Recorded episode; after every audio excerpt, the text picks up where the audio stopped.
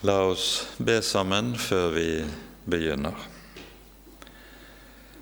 Vi takker og lover deg, Herre vår Gud, for all din nåde, for all din miskunnhet imot oss. Takk at du har sendt ditt ord, og at vi i ordet skal få lov til å lære deg å kjenne, og i dine ord ha og eie alt vi trenger til liv og til salighet. Takk at du har tatt oss til dine barn ved Jesus og ved det soningsverket som Jesus har fullbyrdet for vår skyld. Takk for syndenes forlatelse. Takk for at vi skal for Jesus skyld få regne med at alle våre dager står i din hånd og at du vil ta deg av oss som en god far ser til sine barn. Nå ber vi, Herre, at du vil være hos oss med din Hellige Ånd, og gi lys i ordet ditt, lys over det vi skal samles om denne kvelden. Herre, forbarm deg over oss. Amen.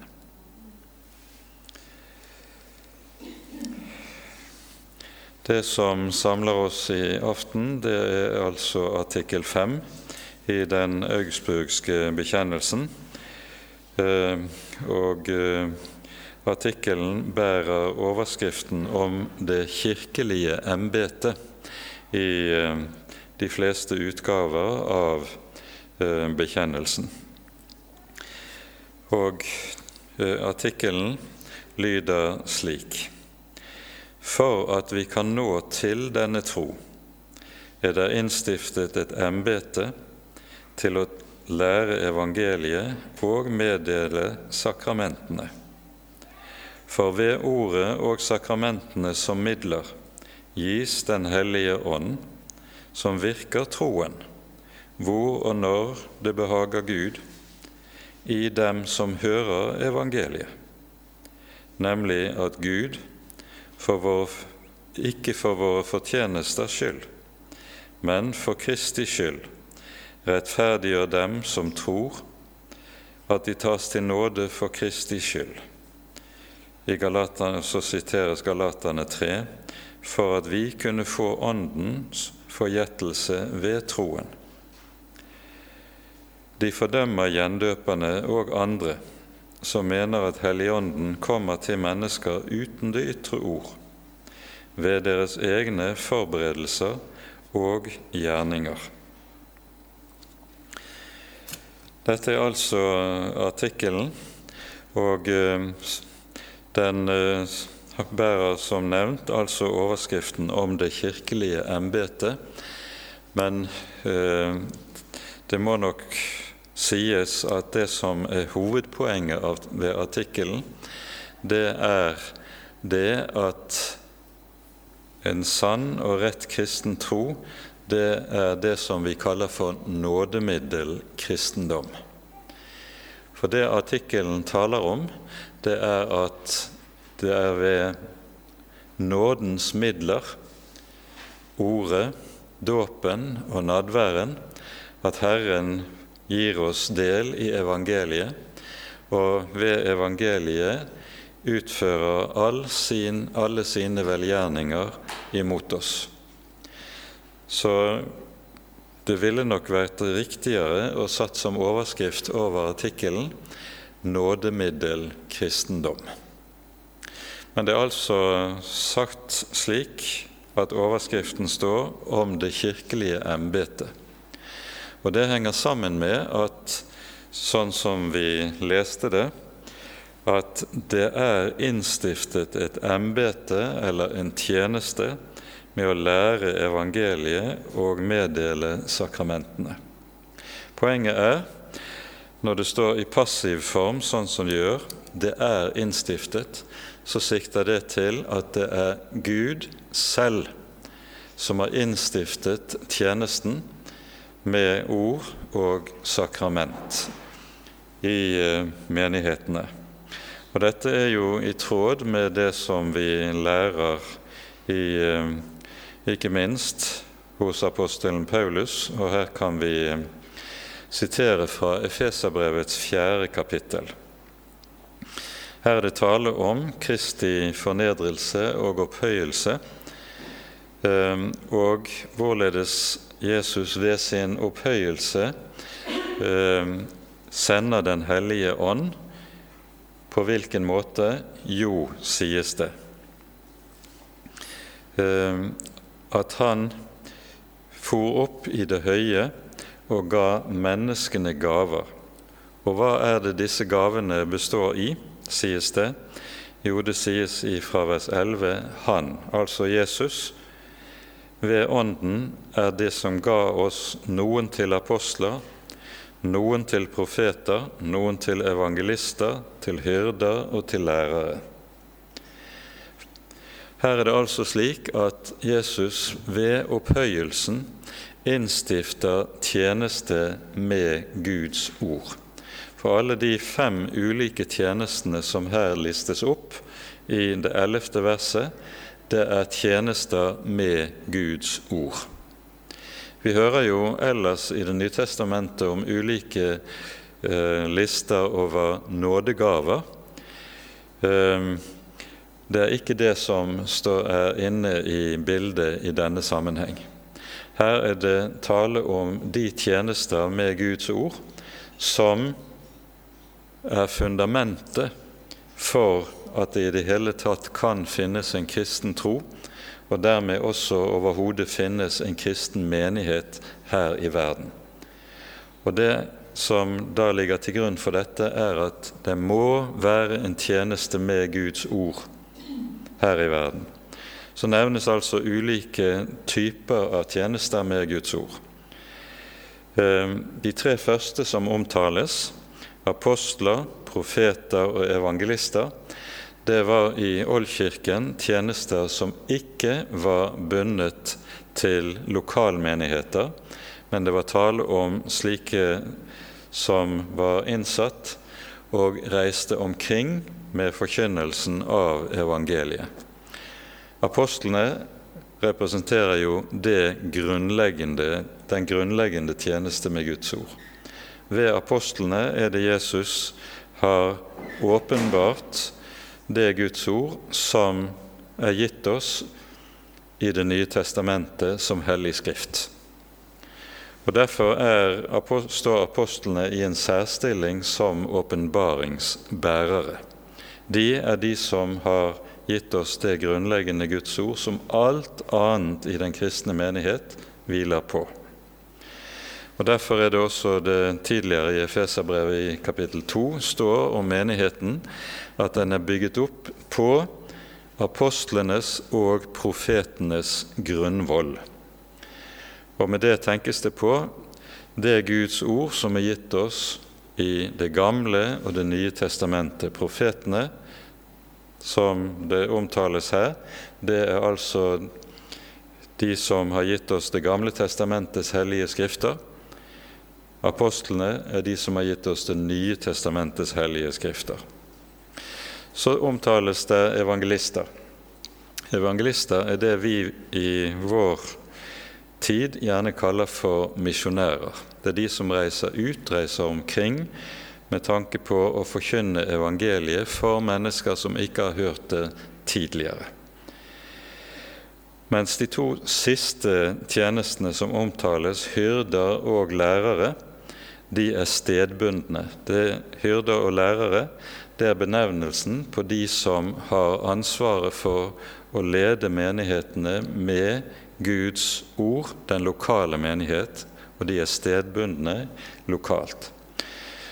Og i tilknytning til dette kaller vi gjerne eh, prestetjenesten i den nytestamentlige menighet for hyrde- og læreembete. Det er nettopp de som er satt til å ha hyrdetjeneste, og hyrdetjenesten utøves først og fremst gjennom å lære, undervise menighetene i Guds ord. Og Dette er det som sies her. Det som altså understrekes i Efesane 4, er at alle disse tjenestene er gitt av, de er innstiftet av vår Herre Jesus. Og det er det som altså sies i Augustana artikkel 5. Der er innstiftet et embete, en tjeneste, til å lære evangeliet og meddele sakramentene. Artikkelen begynner med ordene 'for at vi kan komme til denne tro'. Og På den måten så knytter artikkelen seg uttrykkelig til den foregående artikkel 4, som taler om rettferdiggjørelsen av tro for Kristi skyld. Det er denne spesifikke og bestemte tro som omtales i den foregående artikkel, den rettferdiggjørende tro, og det som altså er hovedsaken, ganske særlig i Paulus brev til romerne og til galaterne, det er denne tro som det siktes til. Denne tro kan bare bli til gjennom tjenesten med nådens midler. Det er Ordet og nådemidlene som skaper og oppholder troen. Og Dette er ganske avgjørende, fordi med det så peker artikkelen samtidig på noe som ikke sies uttrykkelig i bekjennelsen, men som er en hovedsak i hele den lutherske evangelieforståelsen. Troen er ikke noe et menneske kan ta seg til. Troen er ikke noe et menneske kan få til eller lage selv. Troen er noe som må gis et menneske. Og det gis ene og alene utelukkende gjennom nådens midler, som Herren altså selv har innstiftet for at de skal være i virksomhet i Hans menighet her på jorden. Så sies det i fortsettelsen for ved ordet og sakramentene som midler gis Den hellige ånd, så hørte vi, som virker troen. Troen kan utelukkende skapes av Guds hellige ånd, hvor og når det behager Gud i dem som hører evangeliet. Og Da er poenget med det som sies her, Ånden er bundet til disse nådens midler. Den hellige ånd gis ikke og formidles ikke uten og uavhengig av disse ytre nådens midler. Det er i tilknytning til dette Martin Luther i de smalkaldiske artiklene, som ble formulert syv år senere, og som var en bekjennelse fra Luthers side forut for at man forberedte et allment kirkelig konsil, så skriver Luther de smalkaldiske artiklene, og her sier han uttrykkelig at alt som skryter av Den hellige ånd uten det ytre Guds ord, er av djevelen. Så radikalt formulerer Luther seg i denne sammenheng. Og poenget er hele tiden dette grunnleggende Ånden og Ordet henger uløselig sammen. Den hellige ånd kan aldri løses fra eller formidles eller gis til noe menneske uten det ytre, lydlige Guds ord. Det er poenget i artikkelen. Og Når artikkelen slutter med at det tas avstand fra gjendøperne og andre, som mener at Helligånden kommer til mennesket uten det ytre ord, så siktes det med dette til noe av det som kom til å bli eh, den ene fronten i Luthers reformatoriske kamp. Den reformatoriske kampen som begynner i 1517, var jo til å begynne med en kamp mot pavedømmet, mot Romerkirken og dens teologi. Men fra 1521 av så dukker det opp en ny bevegelse som innebærer at det blir en ny front som reformatorene får å kjempe med. Og det er det som vi gjerne kaller for svermerbevegelsen. Det er Luther som formulerer dette begrepet svermere. Og det handler om at det begynte å opptre eh, predikanter som hevdet at de hørte Guds hellige ånd tale til seg direkte i deres indre, i deres hjerte. De påsto altså så å si å ha direkte kontakt med Gud, uavhengig av det ytre, lydlige Guds ord, det Guds ord som er gitt oss i Den hellige Skrift. Og Dette førte til ulike avveier, og den eh, mest alvorlige avveien i dette eh, endte jo opp med det forferdelige som skjedde med bondekrigene i 1525, som var anført av eh, profeter, svermeriske profeter, som ønsket å opprette tusenårsriket her i verden ved hjelp av våpenmakt. Dette opprøret knuses jo i eh, et fryktelig blodbad, men eh, det har altså sitt opphav i denne typen åndelighet som tenker og taler om at det er mulig å ha direkte kontakt med Gud uten og uavhengig av det gitte Guds ord som vi har. Det ytre Guds ord er uttrykket som eh, reformatorene bruker. Svermerbevegelsen opptrådte altså slik, og det kom til å bli den annen front som Martin Luther og reformatorene fikk å kjempe med midt på 1520-tallet. Og eh, dette blir etter hvert en så avgjørende del av reformasjonsverket at det kommer til å bli et grunnleggende hovedkjennetegn ved evangelisk-luthersk tro at nettopp denne hovedsak, at Ånden er bundet til de ytre midler, ordet, dåpen og nadværen, det er et hovedkjennetegn ved evangelisk-luthersk tro. Teologisk eh, oppsto svermerbevegelsen eh, med bakgrunn i flere kilder. En av Luther sine, Luther sine medarbeidere som til å begynne med var en sterk støttespiller for ham, var Andreas Karlstad. Men når Luther blir sittende på Wartburg vinteren mellom 1521 og 22, så overtar Karlstad reformasjonsverket i Wittenberg, og det kommer til å gå helt galt. Og på grunn av Karlstad sin radikalitet, som nettopp er bundet i eh, svermeri, så ser Luther seg til slutt tvunget til å forlate eh, eksilet på Wartburg og vende tilbake til Wittenberg for å rydde opp i det kaos som Karlstad hadde forårsaket. Karlstad må flykte eh, og blir etter hvert en av lederne innenfor Svernerbevegelsen.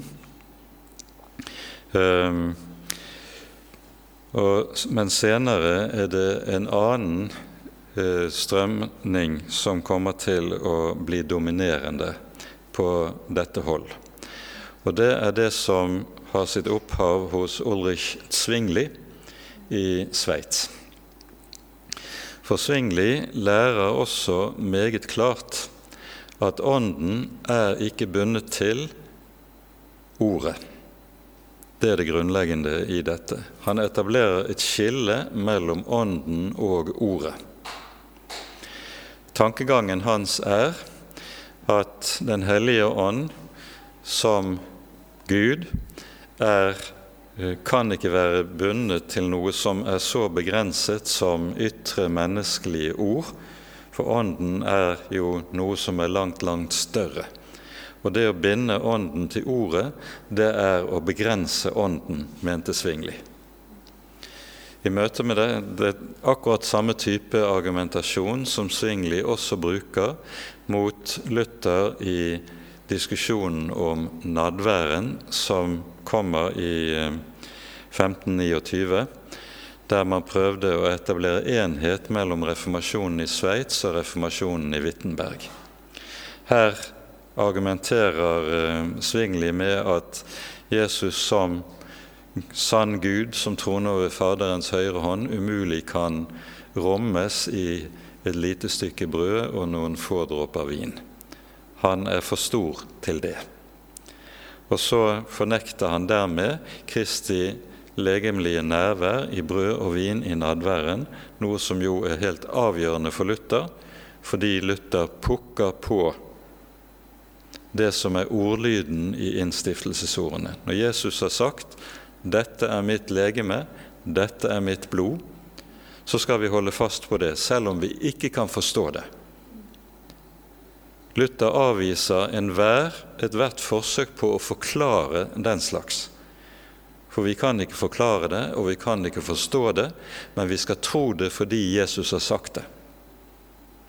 Og Luther sitt hovedargument mot Svingli på dette området er jo at hvis det er slik at Jesus som den ene personen i den evige, allmektige, hellige og treenige Gud er blitt menneske, så vil tankegangen til Svingli ha som konsekvens at da vil også inkarnasjonen være umulig. Gud kan umulig bli menneske hvis Svingli sin tankegang er gyldig. Og Derfor avviser Luther all, alle slike spekulasjoner og sier vi er nødt til å tro Bibelen, selv om vi ikke kan forstå og begripe hvorfor eller hvordan Gud kan gjøre noe slikt mulig. Det er altså tilsvarende tankegang som gjør seg gjeldende i forhold til, til eh, nådemidlene hos Svingli. Og dette kommer til å gå videre hos Calvin eh, i noe avdempet form, slik at det også blir et av kjennetegnene på den reformerte kirke at den etablerer et skille mellom Ånden og Ordet. Når Luther fremholder med stor styrke det som vi her understreker, så er det fordi eh, ordet er, som Bibelen eh, taler om det når det kommer fra Guds munn, det er et virkekraftig ord. Det er ikke slik som menneskelige ord er det, som er noen lydbølger, et pust, som etter hvert blir borte. Guds ord er et ord som har virkekraft. Dette er noe som er gitt og åpenbart allerede ved skapelsen. Skaper ordet Gud sa 'det blir lys', og det ble lys. Det er det ordet som alltid, når det ordet kommer fra Guds munn, utfører en gjerning. Guds ord er alltid en Guds gjerning. I det hebraiske språk kommer dette til uttrykk på den måten at hovedordet for, eller hovedbegrepet for et ord, davar, på hebraisk, det betyr både ord og handling. Og Nettopp dette er et hovedpoeng. Guds ord er et ord som utfører hva Gud vil. Og Dette er jo også sagt helt tydelig i ordene som eh, vi har vendt tilbake til ved mange anledninger fra Salme 33. Han talte, og det skjedde.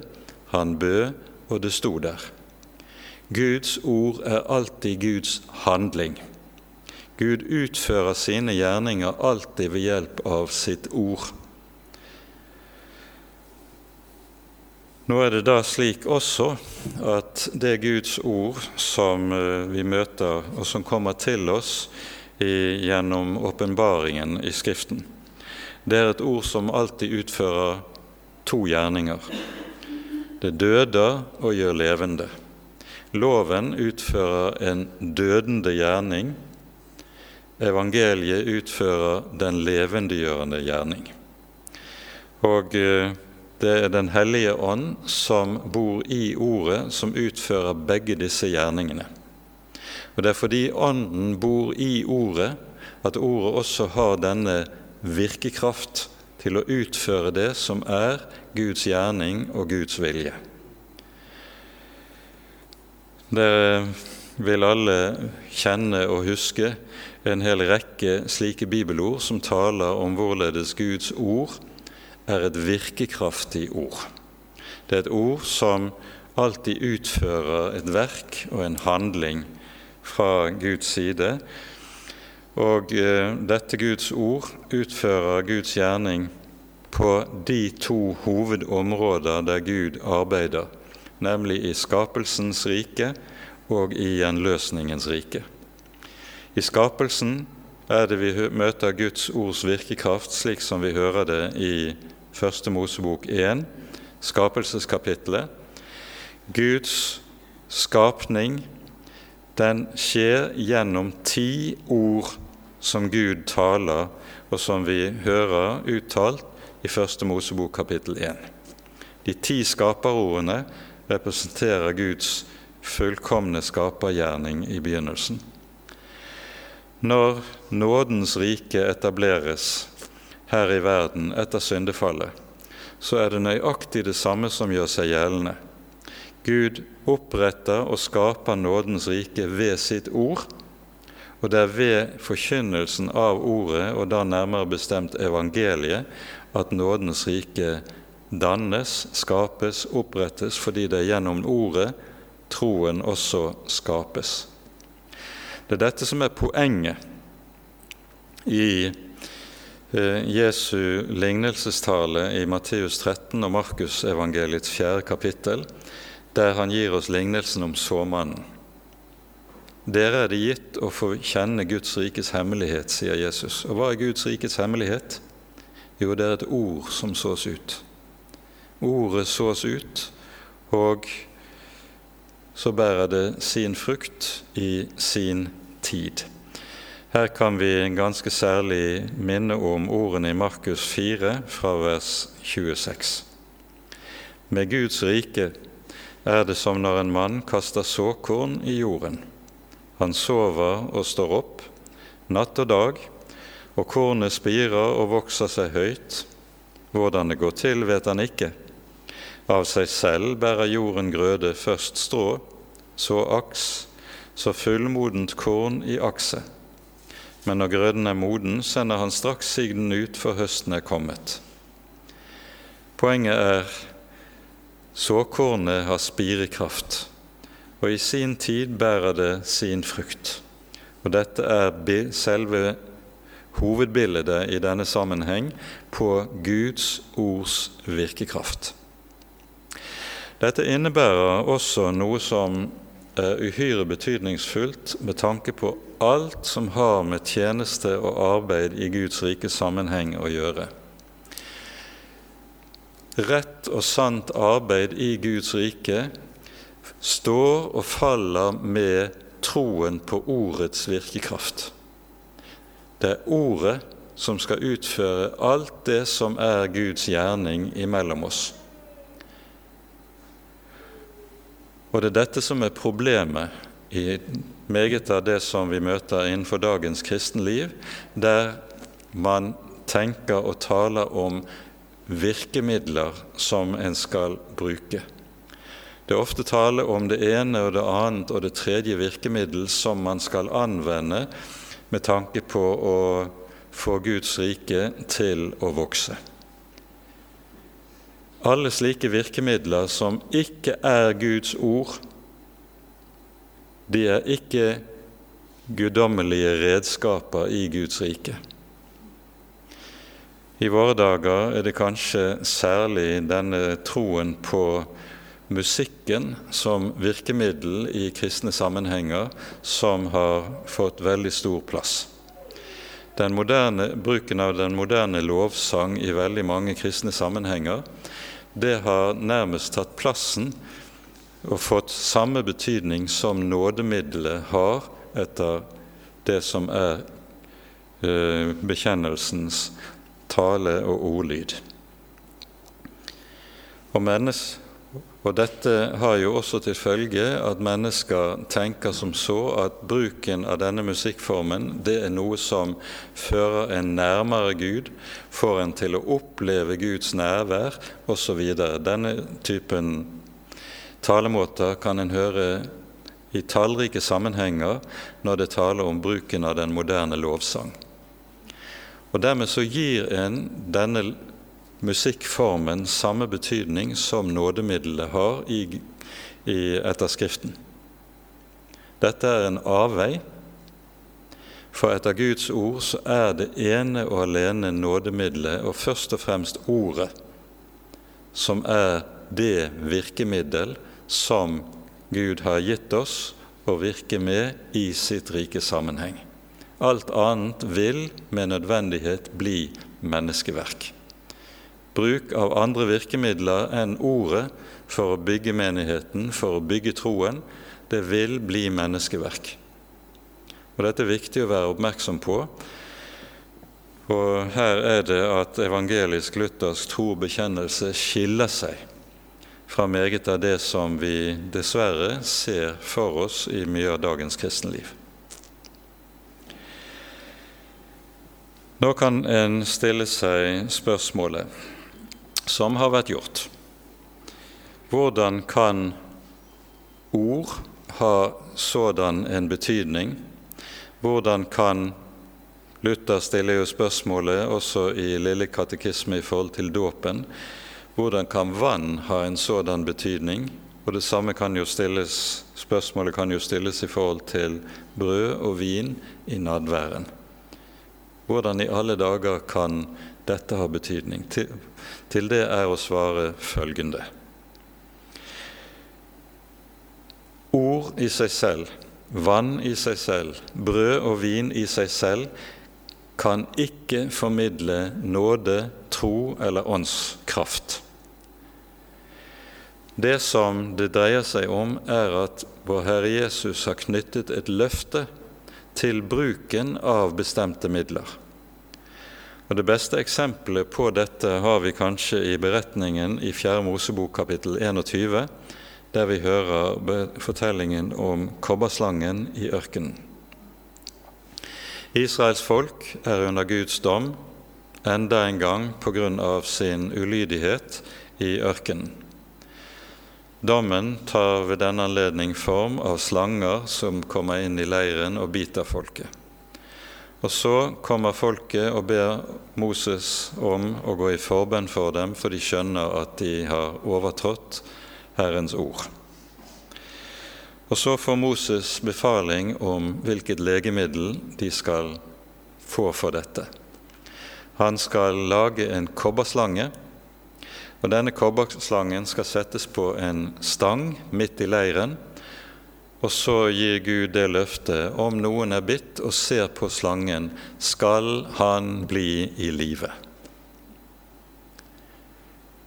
Vil det å se på bildet av en slange kunne hjelpe noe menneske som er bitt? Selvfølgelig ikke. Det som gjør at kobberslangen blir et nådemiddel, det er at Herren til dette ytre middel har knyttet et løfte. Og det er løftet som sammen med det ytre middel gjør dette til noe som er virkekraftig, og som gjør at mennesket får livet når de tar løftet til seg. Og Nøyaktig samme sak gjelder den hellige dåp. Vann kan ikke frelse noe menneske, men Jesus har knyttet et løfte til å bruke vannet på den måten som han har foreskrevet i den hellige dåp. Og da vil dåpen ha den gjerning og virkning på, i et menneskes liv som den faktisk har. Og Nøyaktig det samme gjelder altså også i forhold til Den hellige nattvær.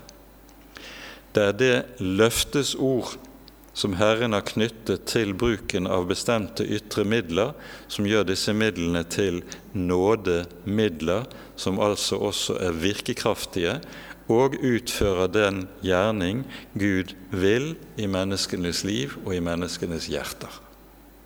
Det er poenget i denne sammenheng. Det dette betyr, det er at skal vi få del i troen, bli bevart i troen, holdes oppe som menighet og som fellesskap, så hviler det ene og alene på bruken av Guds ord og bruken av disse nådens midler som Herren har gitt oss. Konkret betyr det at alt det Gud har å gi oss, som handler om sin nåde, sin velsignelse, rettferdiggjørelsen og alt annet som hører med til evangeliet, det er noe som kommer til oss utenifra. Det kommer ikke innenfra ifra menneskets eget hjerte. Vi er avhengig av noe som kommer til oss utenifra.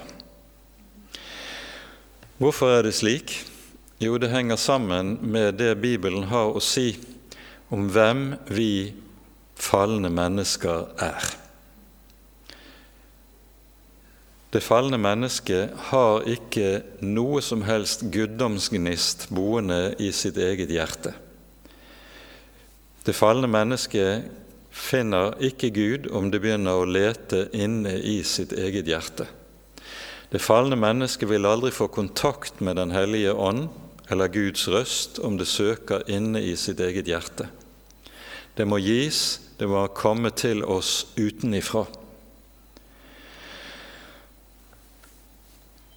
Jesus sier til Peter etter at Peter har avlagt sin store bekjennelse Du er Messias, den levende Guds sønn. Så sier Jesus til Peter, salig er du, Simon Jonas' sønn.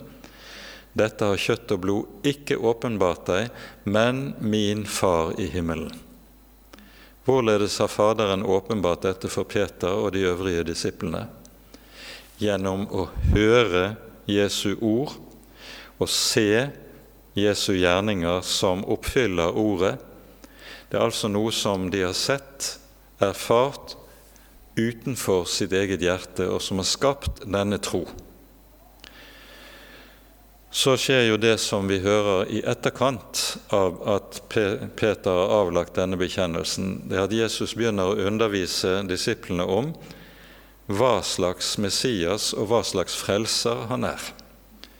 Nemlig han skal gå opp til Jerusalem, lide, korsfestes og oppstå på tredje dag. Og så er det at Peter tar Jesus til side og sier Gud bevare deg, Herre, dette må aldri skje deg. Og så er det at Jesus kommer med det skarpeste ordet til refselse av Peter som overhodet lyder i evangelien. Han sier til Peter, 'Vik bak meg, Satan', for du har ikke sans for det som hører Gud til, bare for det som hører mennesker til.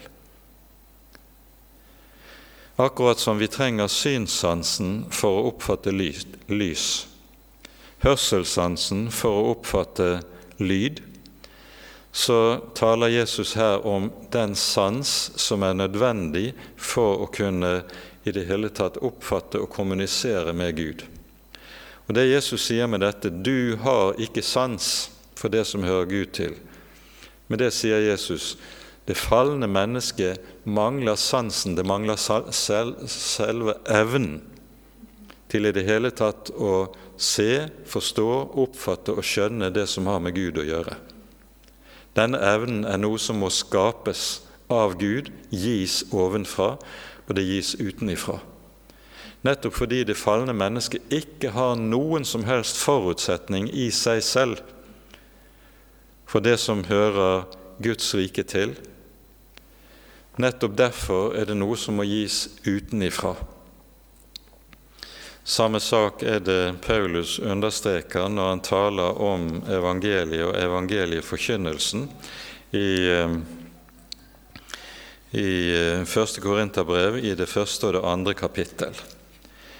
Her taler han i det første kapittelet om hvorledes evangeliet, nettopp på grunn av det at det falne mennesket ikke har sans for det som hører Gud til, så oppfatter det falne mennesket evangeliet som en dårskap. siste halvdel av 1. Korinterbrev kapittel 1 taler om det. Du har ikke sans for det som hører Gud til. Følgelig oppfattes korset som dårskap.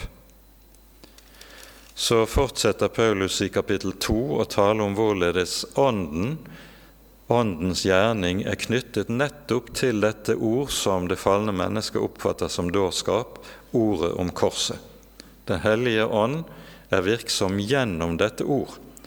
Og så sier Paulus i eh, det 14. verset i fortsettelsen av undervisningen om dette Men et naturlig menneske tar ikke imot det som hører Guds ånd til, for det er en dårskap for ham.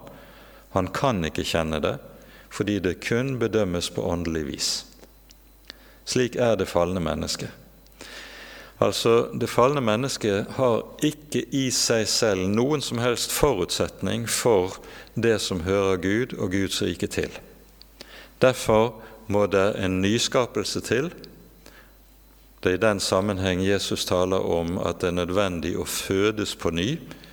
Fordi, som han sier til Nikodemus, det som er født av kjødet, er kjød, det som er født av ånden, er ånd. Det må en ny fødsel til. Og der et menneske fødes på ny, der skapes denne sans som ser Guds herlighet i ordet om korset, ser Guds herlighet nettopp i det som det falne mennesket betrakter som dårskap. Det er tankegangen i dette. Poenget i dette er altså at nådemidlene gjør oss avhengig av et ord, et budskap som kommer til oss utenifra, fordi vi ikke har kilder til noe som helst sant åndelig liv liggende i vårt eget bryst, i våre egne hjerter. Alt må gis oss utenifra. Med dette så ser vi også at evangelisk-luthersk tro med dette som bakgrunn på en helt særlig måte er objektiv. Den har en dragning bort fra alt mulig som har med det subjektive, og som vil vende, blir opptatt av alt mulig som foregår i våre egne hjerter. Det som gis oss til liv, det kommer som, til oss som et objektivt ord som objektive midler i ord og sakrament. Og så er det ved det Herren utfører sin gjerning, sin skapende og nyskapende gjerning i våre liv, og danner menighet. Og det er kun dette som kan skape og danne den kristne menighet, intet annet. På denne måten så er det altså slik at det er ved slike ytre midler at Gud utøver og utfører sin gjerning imellom oss. Når eh, vi leser artikkel 5 om nådemidlenes betydning imellom oss, så er det oppfattet ikke i Augsburg de romerske, den romerske motparten til eh, de lutherske ved denne anledning, de oppfattet ikke radikaliteten i det som her ble sagt. For det er jo et hovedpoeng i eh, den lutherske bekjennelse at ordet er selve det grunnleggende nådemiddel. Det er ordet som også gir dåpen virkekraft og nadværen virkekraft. Det er Kristi ord og Kristi løfte som så å si konstituerer disse to sakramenters gjerning. Dette oppfattes ikke av den romerske motpart, at, nemlig at ordet er det grunnleggende nådemiddel. For i Romerkirken så tenkte en som så, til en viss grad parallelt med Luther, at dåpen og nadværen er nådemidler der Gud handler og utfører sin gjerning imellom oss. Men de tenkte overhodet ikke slik om ordet. For ordet var i romersk teologi ikke å forstå som et nådemiddel. En kunne si det slik at i romersk teologi eh, Det er noe forenklet, men jeg kan si det slik at i romersk teologi tenkte på det vis at ordet tilbyr nåden, men nåden mottas i sakramentet, nemlig dåpen og nadværen. Så ordet var i seg selv ikke et nådemiddel. Um, og dette uh, uh, har sin uh, fortsatt gyldighet innenfor romersk teologi. Og Derfor er det slik at du går du i katolsk sammenheng, så vil du ytterst sjelden høre en reell evangelieforkynnelse som kan skape den tro som er en frelsende tro. Den romerske forkynnelse i romersk sammenheng vil som regel ha ulike typer lovisk preg som formaninger til kristent liv på ulike slags områder. Mens det vitnesbyrd i evangeliet som er livgivende, nyskapende, nyfødende, åndsmeddelende osv., det vil du ikke høre i en slik sammenheng. Sånn at her står vi også overfor, samtidig som denne artikkelen legger en veldig avstand til svermerbevegelsen, så ligger det samtidig også en veldig avstand her i forhold til romersk teologi. Men de lutherske sine motstandere ved riksdagen i Augsburg oppfattet ikke dette, og derfor har de ingen kommentar negative kommentarer i sin konfutasjon til artikkel 5. De hopper rett og slett bukk over den. Og Derfor ser vi også at hvis du leser Philip Melanchthon sin apologi til den augsburgske bekjennelse, så har eh, apologien heller ingen artikkel 5 der denne artikkelen nærmere utfoldes, i motsetning til Eh, det som eventuelt måtte lyde fra romersk side. Når artikkelen også sier, sånn som vi uh, så vidt har omtalt innledningsvis, at den kalles for det kirkelige embetet, og det sies at det er innstiftet et embete eller en tjeneste til å lære evangeliet og meddele sakramentene. Så peker artikkelen på det at det er en livsbetingelse for den kristne menighet så lenge den er her i verden, at det er en ordnet tjeneste med ord og sakrament, og det er innsatt tjenere etter Guds vilje til å forvalte ord og sakrament for menighetene. Og Derfor er det man har denne overskriften til artikkelen. Men det utfoldes ikke nærmere i denne sammenheng. Eh, Augustana vender tilbake til temaet senere i artikkel 14, og vi vil der komme tilbake til å konsentrere oss litt nærmere om saken når vi kommer så langt. Men det er altså et hovedpoeng at det er avgjørende nødvendig for den kristne menighet at det er en ordnet tjeneste med ord og sakrament for at menigheten kan leve. Og Så er det da også avgjørende at det er rette tjenere som lærer rett, for at de slik også kan gi Guds folk den mat de trenger for å kunne leve. Derfor er det også så katastrofalt for menighetene dersom det kommer til å skje som i så stor utstrekning har kommet til å skje i folkekirkene i våre nordiske land. At i økende utstrekning er det både menn og kvinner som innsettes til dette embetet i menighetene, som ikke lærer i overensstemmelse med Guds ord. Og Her må vi være klar over at Ånden er bundet til ordet, og ånden er bundet til en rett forkynnelse av ordet. Der Guds ord ikke forkynnes sant og rett, der er Den hellige ånd ikke til stede.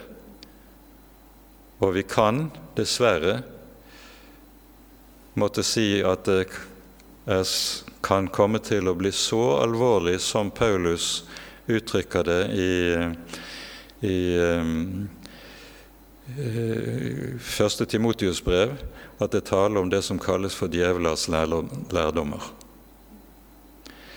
For når Guds ord fornektes av de som er innsatt til å ha dette ordets embete i menighetene, da har en med djevelen å gjøre, og det er det store alvoret. Da er ikke Kirken lenger et rett Guds hus, da blir Kirken noe ganske annet, som det settes ord på i um, et av sendebrevene i åpenbaringen. Det blir Satans synagoge. Det er det forferdelige alvor med det. Dette skal vi være klar over at når Bibelen taler så alvorlig om slike ting, så er det fordi det er på det åndelige området akkurat på samme måte som det er på det legemlige området. For at kroppen din skal leve sunt, ha det godt, så er det også nødvendig at du har sunn føde, sunn mat. Spiser du gift, må det med nødvendighet ha sine konsekvenser. Så også på det åndelige området. Så her er det altså slik at Herren har innsatt denne tjenesten med tanke på at hans menighet her i tiden skal ha det den trenger for å leve. Og her har vi flere lignelser i Det nye testamentet som taler om denne sak. Jeg tror vi her i denne sammenheng skal lese fra Jesu undervisning i Lukasevangeliets tolvte kapittel.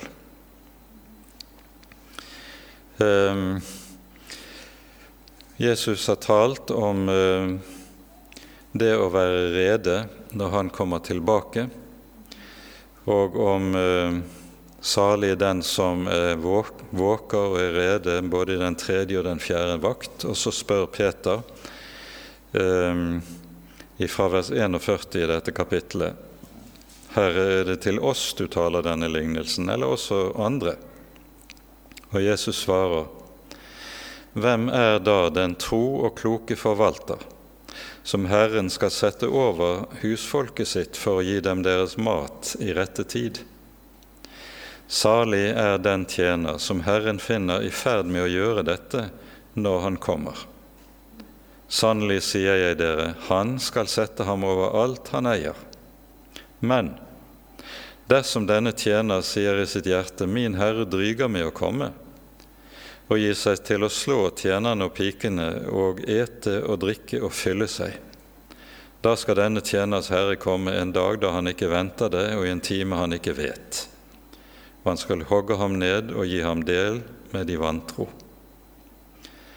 Her er det tale om at det er tjenere som er satt til å gi husfolket, dvs. Si menighetene, deres mat i rette tid.